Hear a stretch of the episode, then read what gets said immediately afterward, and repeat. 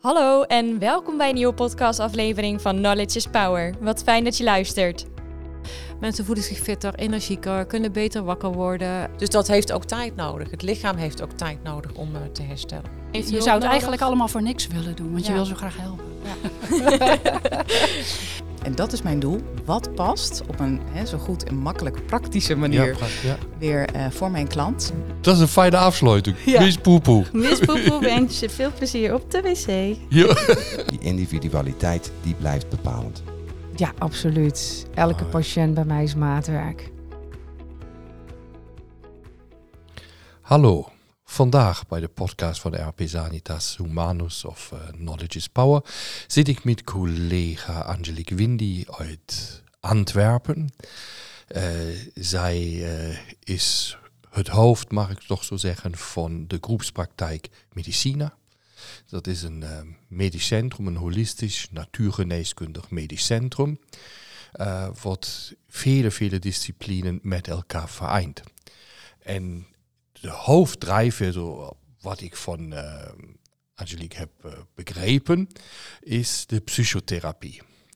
Dus en daar zouden we vandaag ons meer over buigen, of daar zouden ze ons veel meer over vertellen, hoe zij dat bij zich in de praktijk ziet, bij patiënten, en hoe ze met hun omgaat en wat ze hun alles leert. En uh, ik heb Angelique een keer meegemaakt in de lezing. Nou, er was geen eind aan te breien. dat klopt. Ja, dat klopt. Ja, dus als je dan één keer op dreef bent, uh, dan kan ik dan zeggen, dus prima geweest. ik stop vandaag. Ja. Dus ik ben heel blij dat je hier bent. En uh, vertel me zo'n beetje, wat, waarom heb je überhaupt zo'n complex of ja, complementair medisch centrum met verschillende disciplinen opgericht? Hoe ben je erbij gekomen? En waarom ook je liefde voor de psychotherapie, die je als beroep natuurlijk hebt, ook gestudeerd? Ja, dat klopt. Ja? Dus dat brandt ook maar los en uh, ik ben nu even stil. Oké. Ja, Ralf, um, voel je vrij om mij te onderbreken wanneer het te veel wordt. Want eens ik in het verhaal ben, zoals je weet, dan ga ik uh, door. Oh ja, dat is wel waar. Maar het is altijd heel spannend. Oké. Wel, hoe ben ik erop gekomen? Um, enkele jaren geleden begon ik mijn praktijk. En ik uh, hielp mensen, zoals je weet uh, ben ik psychotherapeut, maar ook orthomoleculair darmtherapeut. En ik probeerde beide te combineren. Mhm. Wat tot op zekere mate wel goed lukte. Maar ik merkte ook dat ik veel cliënten tegenkwam die ik niet kon helpen, omdat het gewoonweg niet mijn specialiteit was. Ja. Dus dan zit je als therapeut, hè, de meeste therapeuten willen graag mensen helpen, dus dan zit je met een, een wrang gevoel van hoe kan ik deze cliënt toch, toch helpen, maar, maar mhm. ik kan het niet. Uh, een stuk kan je doorverwijzen naar, naar collega's in de buurt, maar dan wordt die patiënt weer of cliënt weer naar daar gestuurd. Dan moet hij voor een andere therapie weer naar een andere locatie. Dan moet hij weer naar weer een andere locatie.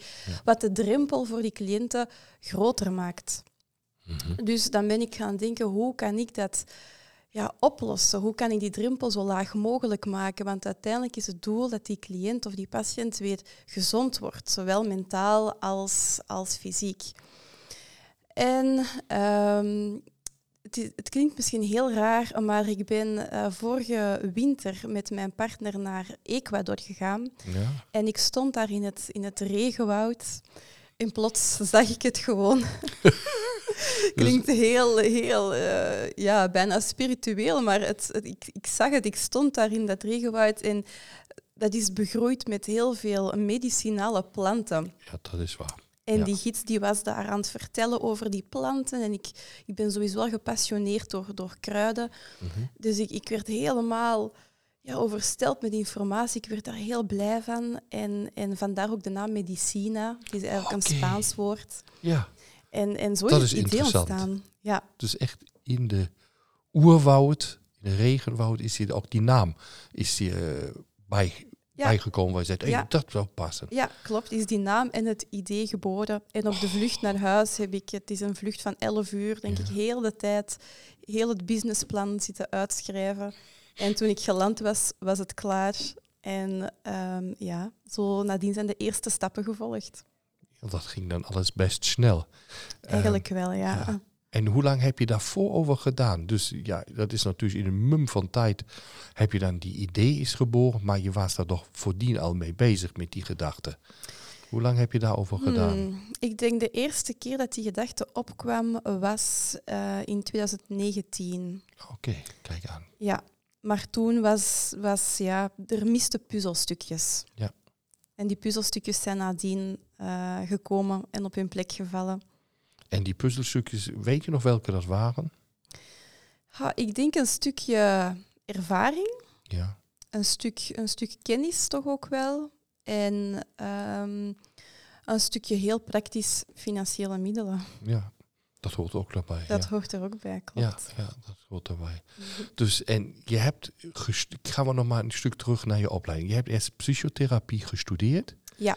En nadien orthomoleculaire darmtherapie. Um, ik heb het eigenlijk een. Het is allemaal zo wat samengelopen. Uh, want al vanaf mijn, oh, ik denk 18 jaar, okay. uh, omdat ik kampte dus met zelf een hele hoop fysieke klachten. Dus ben ik zelf op zoek gegaan naar therapeuten en later ook naar opleidingen, want knowledge is power. Ja.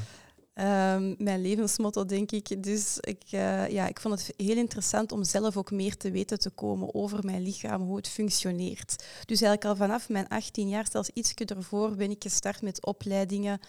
Um, kruiden bijvoorbeeld, hè, kruidengeneeskunde, Ja. twee jaar. En dan zo is het verder doorgerold naar orthomoleculair, naar een stuk hormonen, naar de darmtherapie, uh, bij, die ik dan bij jullie heb gevolgd, enzovoort. Wat mij nu opvalt, eh, die verhaal die, die kende ik nu niet. En wat me opvalt, eigenlijk ben je daar al complementair, holistisch denken bezig geweest. Dus je, je hebt dan al die verse- diverse facetten van de natuurgeneeskunde, of de complementaire geneeskunde, die heb je al opgezocht, gestudeerd, geleerd, uit een intrinsieke behoefte. Is dat Ja. je? Ja, goh. Klopt. Mijn, eh, ik had niet echt een keuze. Nee. Mijn lichaam eh, heeft mij daarin goed begeleid, laat ons zeggen. En, en Mhm. heel positief bewoord. Oké, dus je lichaam was daar je beste leermeester dan daarin. Absoluut. Ja. En als je tijdens de opleiding psychotherapie bezig was en aan het studeren was, is natuurlijk ook een best intensieve studie. ja. Had je daar al voor jezelf ook de link met eh, de darmen gelegd?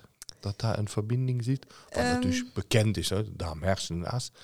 Maar eh, is dat ook daar geleerd worden en is daarmee omgegaan worden? Wel, ehm, het verbaasde mij dat tijdens de opleiding ook sowieso aan, aan de UNIF, de opleiding psychologie, is best een serieuze opleiding, Oh ja. hoe weinig dat daarover, eigenlijk wordt daar niet over gesproken. Wat maakt dat ik die opleidingen ja, vrij verouderd vind. Het is natuurlijk niet het vak van een psycholoog om ook de darmen en zo onder de loep te Ja. nemen, maar ik vind het wel belangrijk dat daar meer verbanden worden gelegd naar. Uh, Mhm. Want heel veel psychologen die ik ken, die zijn afgestudeerd, ja, die, die weten van toeten nog blazen, Mhm. waar dat de verbinding zit met de darm. En ik denk oprecht dat heel veel cliënten van, van psychologen Mhm. Ja, gebaat zouden zijn bij gezondere voeding in eerste instantie, maar ook gewoon bij, bij ja, laat, ons eens kijken naar dat darmmicrobioom. Kijk, dus uit eigen, ja, dat is wel waar. Dat is een punt die zie je altijd weer in de praktijk als mensen met psychische klachten komen, met stressoren waar je, ik hoop stra straks nog veel meer over vertelt. Eh, als die in de praktijk komen, eh, dan ziet je, ook, zie je vaak in de diagnostiek, nou dat is wat met die voeding niet goed, met het bioom niet goed, er zijn ontstekingen gaande. En ja, dan komt dan de kennis van de darm-hersenas weer naar boven. En ja, dat hangt toch alles met elkaar samen. Mhm. Als een darm niet gezond is, kan een psyche niet gezond zijn, maar andersom. Dito. Ja, andersom ook. Andersom ook. Ja. En daar heb jij natuurlijk heel veel expertise in.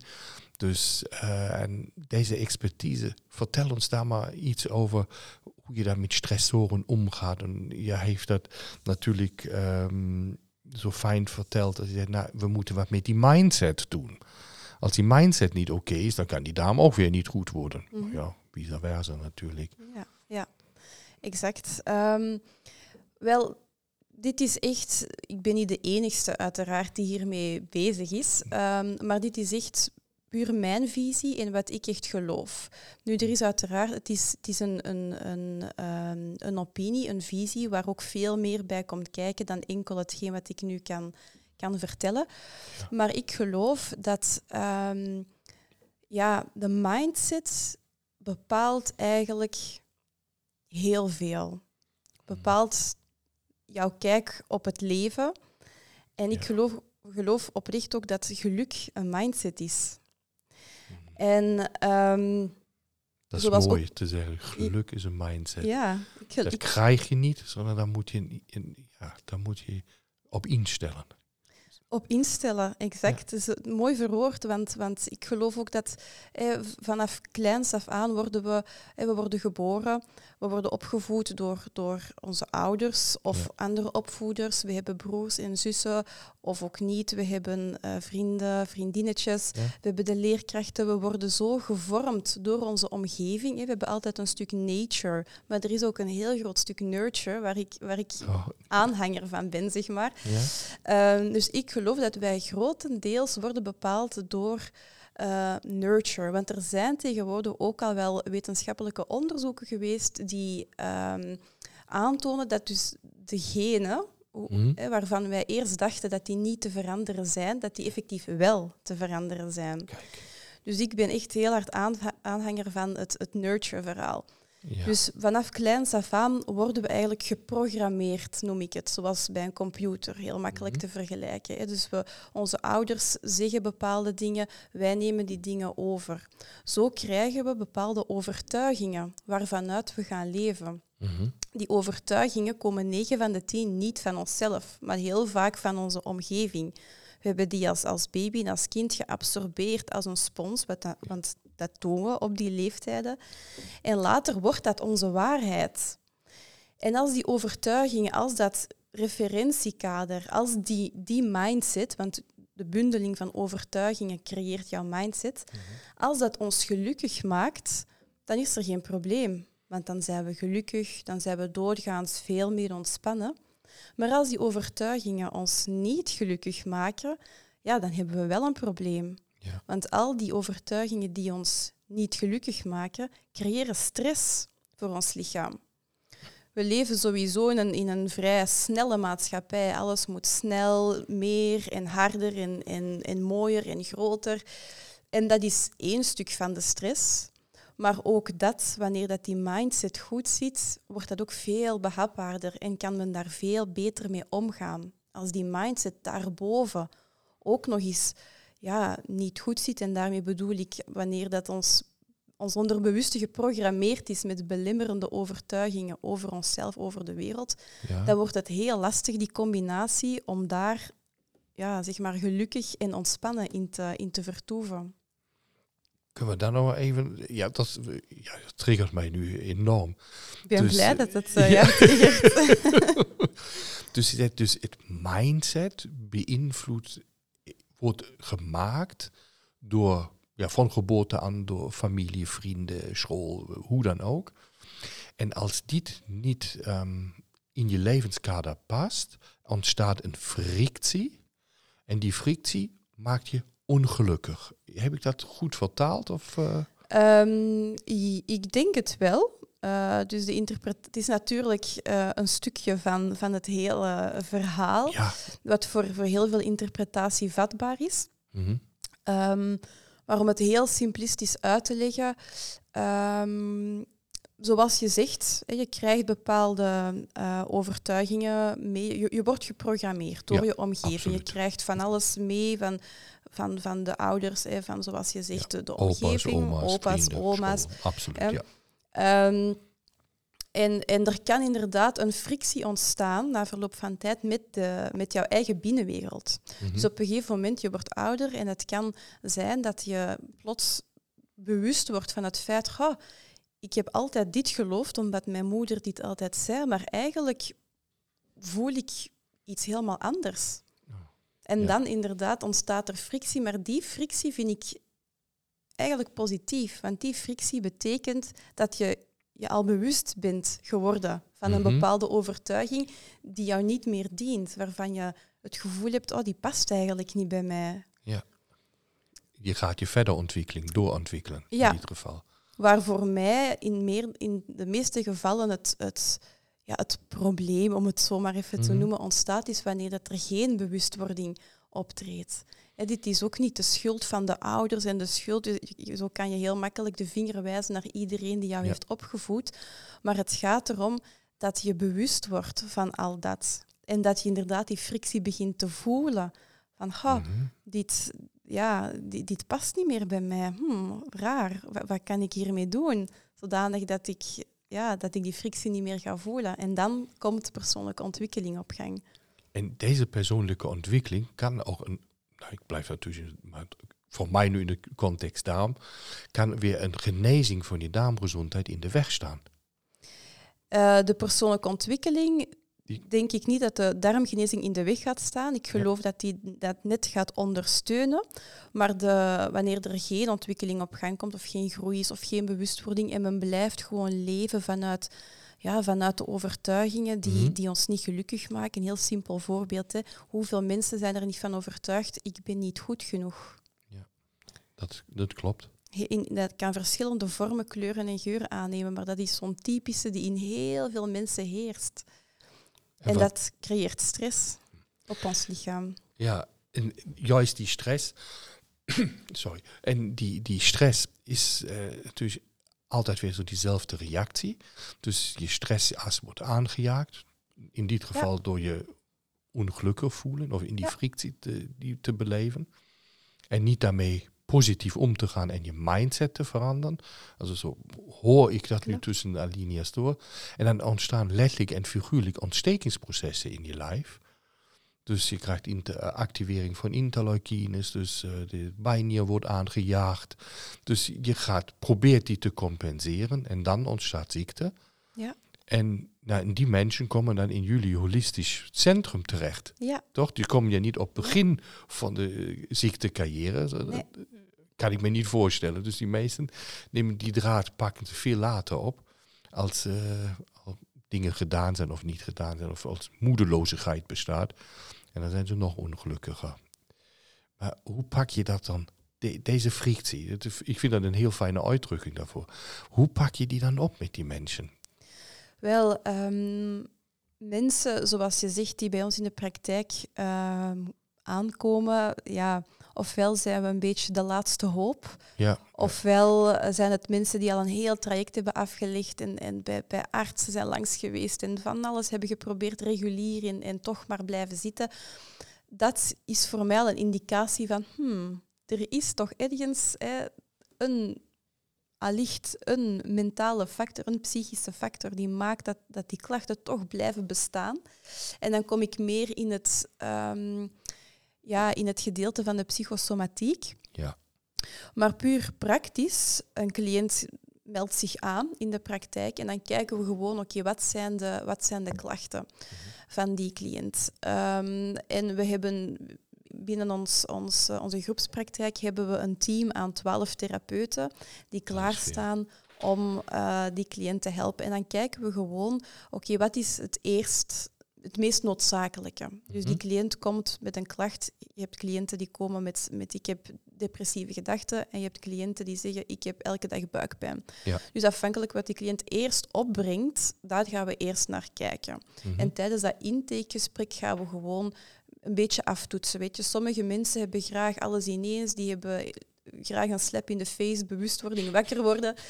Maar andere mensen, ja, maar andere mensen hebben het graag trager. Die hebben tijd nodig om, om voor hele, de holistische visie zeg maar open te staan. Dus dat we kan ik me hebben voorstellen. ja, Dat, ja, dat kan ik me heel goed voorstellen. dus een beetje aanvoelen hoe die cliënt is, eh, is denk ik een belangrijk aspect. En, en ja, naar gelang het, het verhaal van, van de cliënt, naar gelang de klachten, gaan we die dus bij de juiste therapeut plaatsen.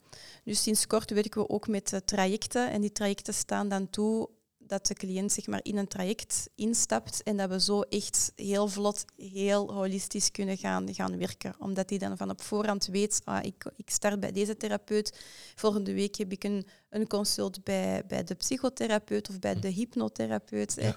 Eh, en op die manier krijg je al een, een veel samenhangender holistisch geheel natuurlijk. Dus de trajecten, dat is een beetje ons, ons stokpaardje op dit moment. Ja, je geeft ook dan die patiënten of cliënten, geef je zekerheid. Toch? Also dus je, je, ze weten precies wat nu gebeurt. Bespreek Ja. je die dingen ook vooraf, hoe dat traject uitziet? Ja, dus eh, elk traject heeft een beetje een vaste template. Mhm. Ehm, maar wordt toch nog wel persoonlijk aangepast. Dus als we merken in, in de helft van het traject of, of na enkele weken, ga die, die cliënt heeft toch meer baat bij, bij die therapie en minder bij die, dan kunnen we dat nog wel heel persoonlijk gaan, gaan aanpassen, zodanig dat het echt heel persoonlijk wordt en dat we echt een op maat aanpak kunnen, kunnen garanderen. Dat is super.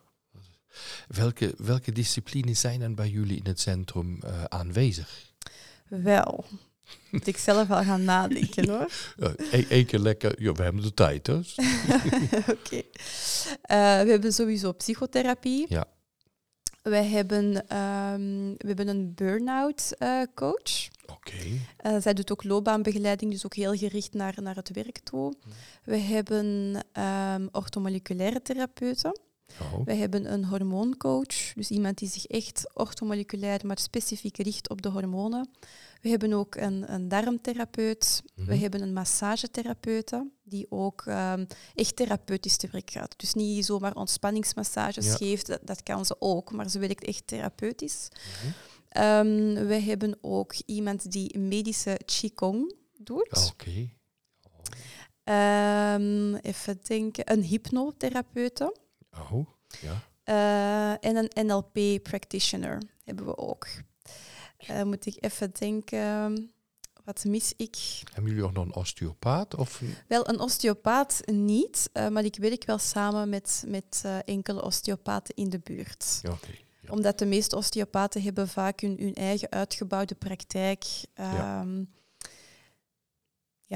Ja, dus logisch. En dan, daar kan je dan nog na- naar doorsturen in die nood. Ja, ja, indien nodig, ja, klopt. Ehm, dus, dus ja, wij doen ons best om, om echt zoveel mogelijk, ehm, ja, zo holistisch mogelijk, zoveel is niet het juiste woord, maar zo holistisch mogelijk toch te kunnen, te kunnen werken.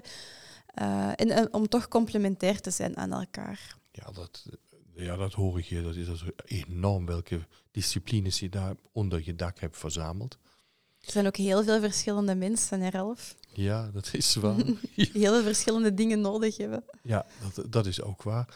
En dan doe jij die intake met die mensen? Ehm, niet altijd, soms, Mhm. soms. En, maar afhankelijk van het intakegesprek wat je met hen hebt, eh, wordt dan het traject uitgezet en dan desbetreffend naar de therapeuten. Ja, die worden ingepland en dan die patiënt op weg naar gezondheid begeleid. Exact. Sorry. Maar als je nog maar, juist dat holistische en dan in Mhm. combi- combinatie eh, met de psychotherapie, of dat Mhm. hoort natuurlijk in het holistische denkbeeld. Ehm, heb ik van jou een keer gehoord, dat was tijdens een heel mooie eh, lezingsdag. en die vond ik zo opmerkelijk. En eh, je moet me even corrigeren, want ik heb niet meer die getallen precies.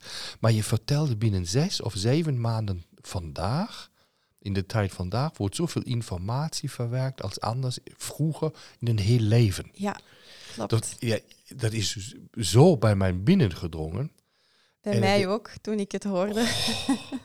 Is het logisch dat veel mensen zoveel stress hebben en zoveel problemen met hun vertering hebben? Dus als Ja. je zoveel informatie toch dagelijks opneemt, ben je continu aangejaagd. Ja. Je zit compleet sympathisch overactiveerd, dus tijd voor vertering, waar is die dan? Ja. Dus dat is zo bij mijn, ja, ik, er is een mond van opengevallen dat dat zo is. Met, ja, kan je daar wat meer over vertellen? Dat vind ik, ja, ik vind het super interessant voor de luisteraars en voor mij ook. Ja, ehm, het is inderdaad zo dat op ehm, drie maanden zelfs, dus op drie maanden nu, in deze tijd, krijgen we evenveel prikkels en informatie verwerkt als onze voorouders in een heel leven. is Dus dat is echt Onvatbaar, gigantisch. onvatbaar. Ja, dat is inderdaad. eh, toen ik die ja, die, die, die studie, ik heb hem zelf niet verzonnen hoor. Die, die Ja. komt uit, uit een andere lezing die ik heb eh, bijgewoond. Dus ik heb hem een beetje gestolen. Eh, dat maar voor- gebeurt in de wetenschap. Ja, dat gebeurt wel Dat is helemaal goed zo, ja. Dus ehm, nee, voor mij was dat ook een eye-opener. Ik dacht, ja, logisch. Hoe, hoe kan het ook anders? En we weten dat ons lichaam evolueert natuurlijk. Hè. Dat, dat, dat Mhm. evolueert. Onze darmen zijn ook langer geworden ten opzichte van de, de prehistorische eh, mens.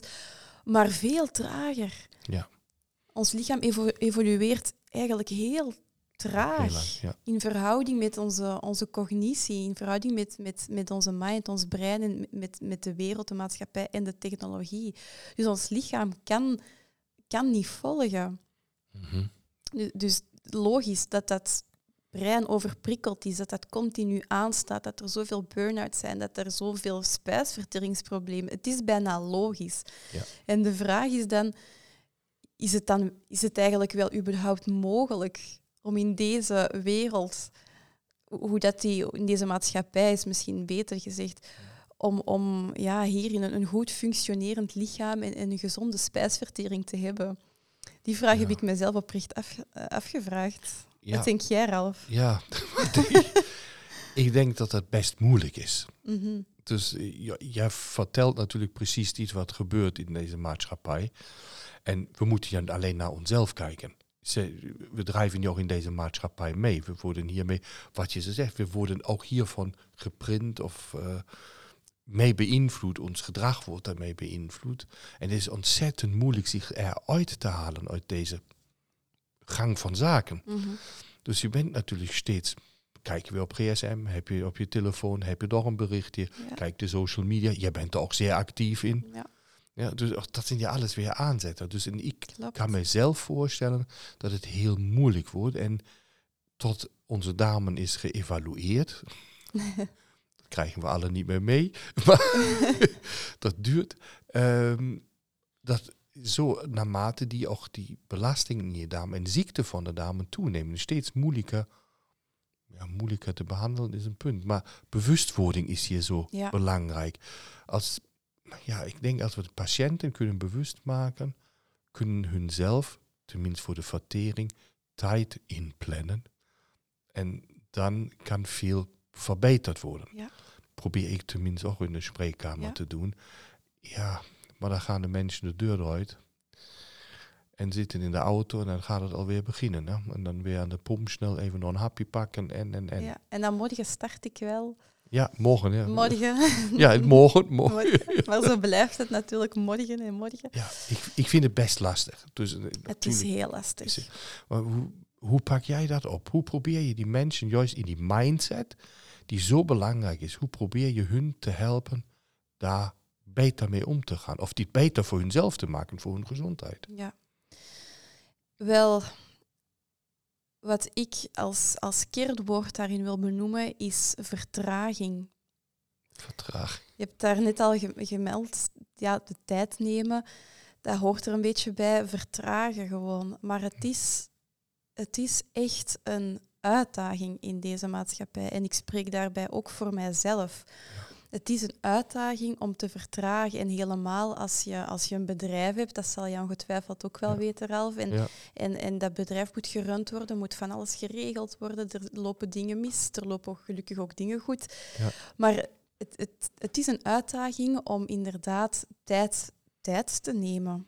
Tijd te nemen voor eh, een, een ochtendmeditatie, voor een beetje yoga in de ochtend, of, of tai chi, of Mhm. ga, lekker even gaan wandelen in het bos. Of het, het maakt niet uit, het is voor iedereen anders, maar de tijd nemen en, en ja, vertragen, vertragen, vertragen. Dat, het tempo eruit halen. Het tempo Op bepaalde eruit momenten halen, dan. inderdaad. Ja. Echt, echt. ehm, het, het is een lastige, omdat we natuurlijk gewend zijn en we, we kunnen in principe ook heel veel dingen doen. Ja. Eigenlijk is het wonderbaarlijk wat een mensenlichaam kan. Ja, Toch? dat is absoluut. Is, dat is een biochemische fabriek. Dat is ongelooflijk. Ja, Ja, dat is waanzin. Hoe, als je ziet alleen hoeveel eh, ja, biljoenen of triljarden, ja, de biljoen, ja, nee, dat biljoen, reacties per seconde in ons lijf aflopen. En die zijn op elkaar afgestemd. Ja, dat is ja niets wat eigenlijk zo ongepland uh, gebeurt. Dat is een organisatorisch uh, wonder wat daar gebeurt. En als dit uit, uit elkaar valt of vertraagt, dan ontstaat ziekte. Ja. Maar je hebt natuurlijk tijd nodig om ook dit systeem met energie te voorzien.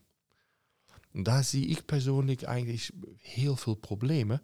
Dat mensen, als ze dan naar jou komen of naar collega's komen, die hebben al dit systeem zo sterk dysreguleerd dat deze vele reacties per seconde niet meer kunnen plaatsvinden en daardoor gaat je energie verloren. En als die energie verloren gaat, dat is, dat is ook biochemisch, ATP, ne? Niet, uh, dan gaat ook je mentale energie weg, je kan je niet meer zo goed adapteren, je immuunsysteem wordt slechter. Um, dus je zit dan in die negatieve spirale. En dan moet je die mensen zeggen, weet je wat, je moet vertragen. Anders ga je daarna, kom je niet uit die sleur. Ja. Dus ik, ik vind het altijd een lastige. Ze vragen is... toch eerder, heb je een pilletje dat die energie omhoog gaat? Exact. Ja, dus uh, ja, dat kan. Maar dat ene en het andere moet samen plaatsvinden. Ja, dat is. En vaak hoort daar heel veel bewustwording en hoort, hoort daar echt een leefstijlverandering bij voor de meeste mensen. Ja. Er zijn mensen die al heel bewust in het leven staan en al heel bewust um, me-time heet dat dan, eh, inplannen en al heel bewust zulke dingen inplannen. Maar ik denk, voor sommige mensen is het echt een complete verandering van leefstijl wat nodig is om echt gelukkig en gezond te zijn. En dat is heel extreem misschien. Mm -hmm. Ik vertel dat dan ook niet zo aan mijn cliënten, uiteraard, want dan zijn ja. ze meteen gedemotiveerd. Maar het, het, kijk, het, het, lichaam kan heel veel en het is mogelijk om heel veel dingen te doen. Maar welke prijs betaal je daarvoor? Ja. En, en hoe ik het aan cliënten aanbreng, is kleine, kleine stapjes. Kleine, mini, mini stapjes. Oh. Ik heb een cliënt en die is gewoon begonnen met de ochtend te, te, in te zitten met een glas water te drinken. Alvorens ze aan de koffie en het ontbijt, et cetera, begint. Dus over zulke kleine stapjes gaat het.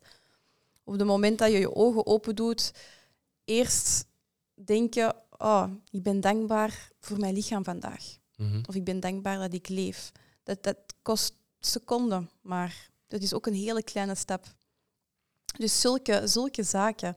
En ik geloof, beter gezegd, ik vertrouw echt op iemands wezen en op het leven, dat dankzij die minuscule kleine stapjes, dat er een proces op gang komt. En ook dat proces is cruciaal, maar dat kan ook lang duren, maar dat mag ook. Ja. Want weet je nog, het ging over vertraging. Ja. Je hoeft, je hoeft niet morgen meteen de levensstijl te veranderen. Dat Dan gaat krijg, ook niet. Dan krijg je weer stress. Dan krijg je weer stress. Ja, en dat is zoals dat je niet wil. Dat vind ik ook zo'n een, een, een waanzinnig goede uh, hint en tip voor de luisteraars nu. Te zeggen, vertraag, maar doe het met kleine stapjes. En wat je nu zei, wees even dankbaar voor je lijf dat hij het nog doet. Ja. Ondanks alles. Exact. Dat is, uh, en ja, wees lief voor jezelf. Ja. En uh, met dat water drinken ook, dat is, ja, dat is, dat is echt een kleine stap. In dit moment moet je even bewust zijn met jezelf. En niet met de loop van de dag. Ja, dat is, uh, dat is enorm. Als je dit nu in een context van die patiënt past, dus in die vertraging, in, uh, je noemt het de mindset veranderen. Dus hoeveel tijd gaat daar normaal doorheen? Nou, je bent daar ervaren in, tot je zo relevante stappen mm -hmm. hebt doorlopen. Also het gaat niet om alles, sondern zeggen, nou, daar heeft die patiënt, heeft nu zo ook echt in die mindset een kanteling dat hij het zich eigen maakt, zich te veranderen. Dat het niet meer die moeite kost. Oh, ik moet aan denken dat ik dat doe. Heb je ja. daar... Ha, uh, mijn ervaring is dat dat echt per persoon verschilt. En afhankelijk van, van hoe iemand in het leven staat, hoe gemotiveerd, hoe intrinsiek gemotiveerd is iemand. Um, ik denk dat dat allemaal factoren zijn die, die ja, hierbij een, een, een heel belangrijke rol, rol spelen. Mm -hmm. uh, ik, ik heb cliënten die heel erg gemotiveerd zijn, die van nature echt ja, een bepaalde drive hebben om, om te leven. En die, die, die zijn vaak ook geneigd om ineens te grote stappen te zetten en achteraf te Ja. moeten terugvallen, wat dan teleurstelling als gevolg geeft. Maar ik heb ook cliënten die zeggen van ja, liever... ja, het Iets gaat allemaal wat heel trager. kleine stapjes Ja, doen. liever een klein stapje en, en dan komen ze de keer nadien terug op, op consult en dan ja, nee, ik ben het toch vergeten. Dus daar duurt het allemaal wat, wat langer bij. Dus het, het is zo afhankelijk van persoon tot persoon. Ehm, en het is de kunst van de therapeut om echt af te stemmen op het tempo van, van een persoon, eigenlijk. Dus dat is, dat is echt wel een kunst. Ehm, Ja. om, om daar ja, Ja, een bepaald aanvoelen Ja. ja. te krijgen. eh. En daarvoor is ook ervaring nodig. daarvoor is ook ervaring nodig en ik denk ook wel een stuk mensenkennis. Ja. En daar hoef je geen psychotherapeut of psycholoog of, of eh, wat dan ook voor te zijn. Mensenkennis ja, krijg je inderdaad ja, door ervaring, door veel met mensen om te gaan, door te observeren, Ja. door ja, verschillende manieren. Ik stel me dat nu zo voor. Dat is, ja, ik, ik zie dat natuurlijk eh, net zoals jou in de, ik zeg al, in de spreekkamer of aan de behandeltafel. Dat zie je dan dat mensen ze willen op het begin heel snel en heel veel. En dan moet je zelf dimmen. Ja. Te zeggen, nou weet je wat, we doen een kleine schritt. Ja, maar ik, ik, ik wil nog verder. Ik wil sneller van die klachten af. En eh, dan gaan ze drie, vier weken hard rennen. En dan... eh, Dan stoppen ze. dan is op, dan stoppen ze. Ja. Dus dan hebben ze eigenlijk meer verloren Ja. eh, en meer schade aangericht als dat ze goed gedaan hebben. Net op, eh, in de sportschool. Ja, exact. En ik, ik vind dat best een, een punt. Dus eh, mensen daar dan in die kleine stappen te nemen. Dus ja, ook dat zie ik. Ja, ik zie dat regelmatig. Ja. Maar heb jij dan daar tips voor? Zeg, nou, hoe kan je dat nu? Die mensen, logischerwijze, ze komen met een hoge lijdensdruk. Mhm. Ze willen van die klachten af, dus die motivatie is hoog. Ja. En dan zijn ik misschien de wijzeren daaronder die zeggen, nou laat me nog maar langzaam doen. Ja. En die harde renners, die zijn snel uitgerend. Hoe ga je, hoe ga je met die mensen om? Dat, het, dat ze zelf zien, nee, ik moet het in kleine stappen doen. Wel, hoe ik dat bekijk is dat ehm, het feit dat dat gebeurt, dat, dat, zeg, dat geeft mij ook al veel informatie over die persoon in kwestie. Over hoe dat die misschien zijn leven leidt of niet. Dus voor mij is dat allemaal waardevolle informatie eh, om mee te nemen eh, in, in, in de consults. Mhm. En ehm, ja, dat kan soms leiden tot een, een, een zachte confrontatie. Dus dat ik hun wel mijn observaties eh, duidelijk maak. En wat is nu een zachte confrontatie? Ja. Ehm, een zachte confrontatie is waarbij ik gewoon op een liefdevolle manier, uiteraard en met de juiste intentie, eh, hun vertel wat ik, wat ik observeer en heb geobserveerd. Dus qua, qua gedrag dan eigenlijk. Van ik zie dat je dit en dit doet, dat je heel hard wilt gaan, maar dat je dan plots na x aantal tijd, bijvoorbeeld vier weken, de, de motivatie wat, wat verliest en dat je eigenlijk hier terugkomt heel weinig gemotiveerd of dat je de afspraken annuleert. Dus dat gebeurt dan ook, dat mensen plots afspraken gaan annuleren. Ehm, en sommige mensen zijn daar dankbaar voor en anderen hebben een hele hoop excuses, wat dan ook weer informatie geeft. Dus dat is geen oordeel naar die, naar die mensen toe, helemaal Nee, maar niet. dus hoe hun met hun, hoe noem je het, hoe de mindset, hoe Ja. die in elkaar zit. Ja, inderdaad. Dus die, die... En voor die mensen is vaak die vertraging echt net heel nodig. En net, net een, een kunst, maar, maar heel erg nodig. Dus ja, dat, communicatie. Communicatie is, is wat ik daarin zet. Ik, ik probeer dat echt in te zien, met hun te communiceren. Ehm, ja, heel hun er echt op wijzen dat, dat eh, wat mijn ervaring is, wanneer iemand te hard wil gaan, dat ze dan ook weer afhaken. Dus, dus heel open zijn eigenlijk Mhm. naar die mensen toe. Ehm, niet om hun te, eh, een- een oordeel te vellen over hun of, of hun gedrag, maar eerder om bewustwording te scheppen. Want sommige mensen zijn zich daar zelf niet van bewust dat ze dat doen, dat ze dat Ja. bepaald patroon zeg maar, gecreëerd hebben. Dus voor sommige mensen creëert dat echt een, een ja, zet dat een bewustwording in gang, wat al heel waardevol kan zijn. Ja. Bij anderen niet. Ehm, ja, en het is ook denk ik een stukje kunnen loslaten. Als je het open hebt gecommuniceerd ehm, naar de cliënt toe, je probeert bewustwording op gang te brengen, uh, je, je, ondersteunt hem of haar of helpt hem of haar op de beste manier ja. uh, dat mogelijk is op dat moment. Maar als die cliënt daar niet op ingaat en daar of nog niet klaar voor is, of, of ja, op een of andere manier toch niet, niet, uh, niet doorgaat en, en hij of zij haakt af, een stuk ja. loslaten. Ja, dat moet wel. Als, Dat moet wel. ja, als therapeuten moeten we dat loslaten. Ja. We kunnen natuurlijk niet uh, ieder mens aan een handje nemen en zeggen, Nee. zo doe je dat. Nee, als je dan als papa of mama je kleine kinderen begeleidt. Ja, klopt, dat, is gaat natuurlijk- niet. Nee, dat gaat niet. Het zijn volwassen mensen vaak die, die hun leven zelf in handen hebben. Ja. En eh, dit heb ik ook gezegd in, in de lezing. Ieders is verantwoordelijk voor zijn of haar leven. Er is niemand anders die er verantwoordelijk voor is, alleen jezelf. Ja. En je hebt ook zelf de verantwoordelijkheid voor jouw heling in handen. Ja. En, en, en die heling is een proces.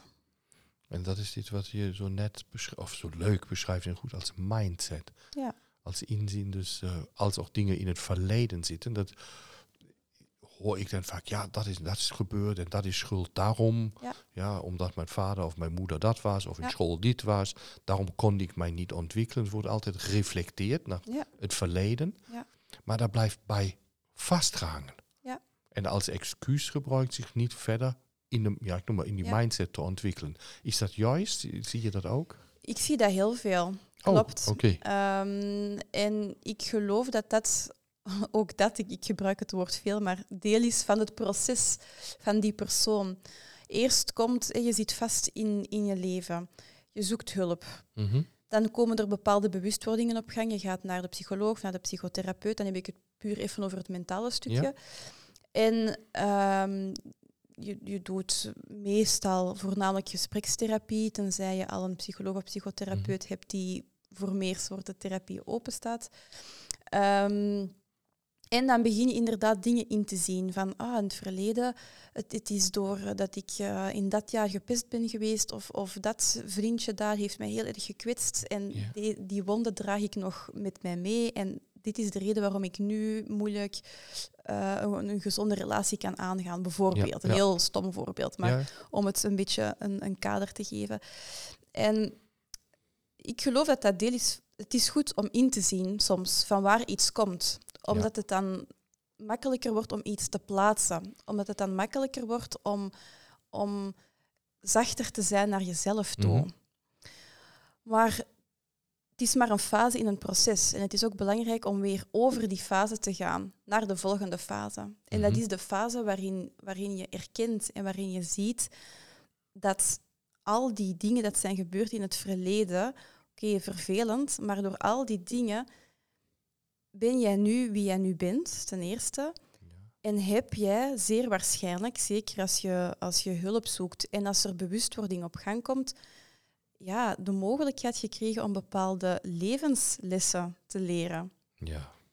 Terug te... Ja, dat is ook mooi. Levenslessen te leren. Inderdaad. En, en i- op die manier krijg je eigenlijk, ja, ga je eigenlijk terug in jouw eigen kracht staan. Want je denkt, oké, dat en dat is met mij gebeurd.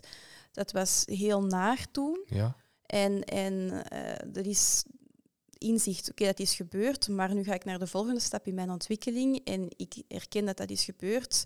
Maar ja, ik zie nu ook dat dat mij heeft, iets heeft gebracht. Dus het is eigenlijk een verrijking in je levenswijsheid.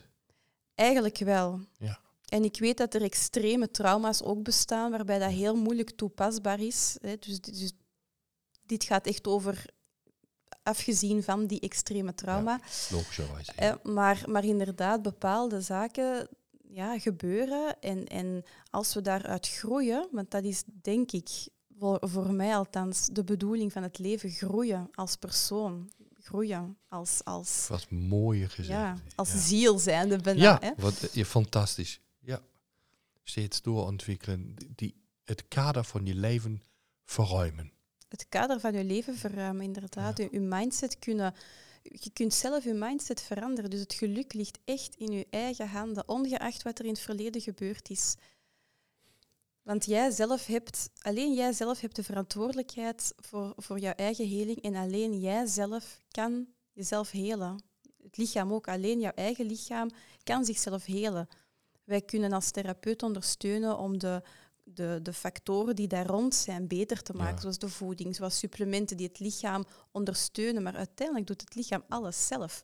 Ja. En zo is dat ook met, met onze mind, met onze psyche, met, met, onze, ja, met ons zijn. Alleen jijzelf kan, kan, dat, kan dat genezen, kan dat helen. En alleen jijzelf hebt ja, de, de macht om geluk te verkrijgen.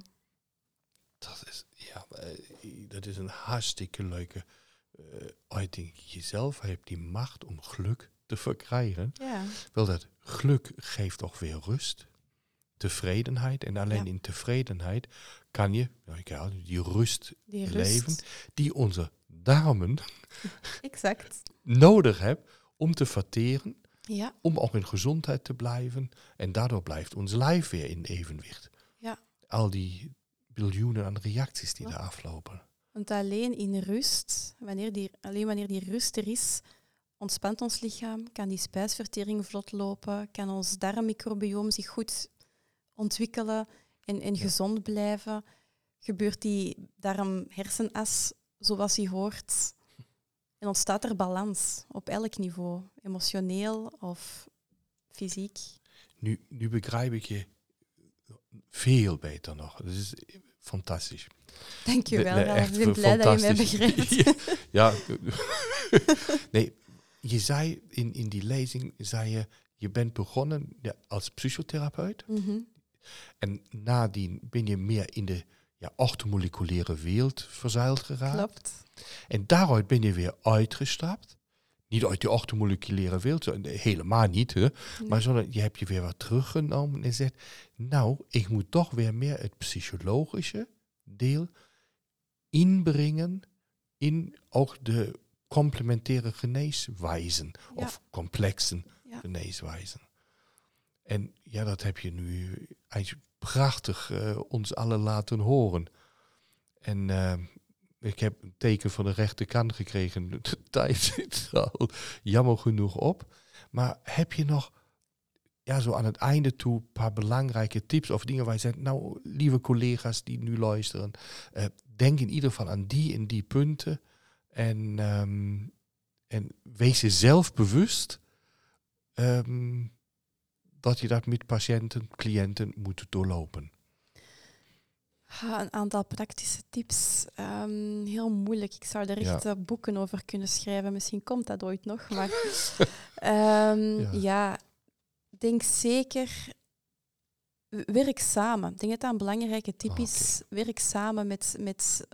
Vind jezelf een leuk team. Dat hoeft niet allemaal in een, in een medisch centrum te zijn, zoals Ja. bij mij. Maar vind jezelf leuke collega's waar jij je ook goed bij voelt. Waar je mensen met een gerust hart naar kan doorverwijzen. Ook in het mentale stukje. Want dat mentale stukje is zo, zo, zo krachtig. Echt waar. De, de power of the mind en the power of belief is, valt niet te onderschatten.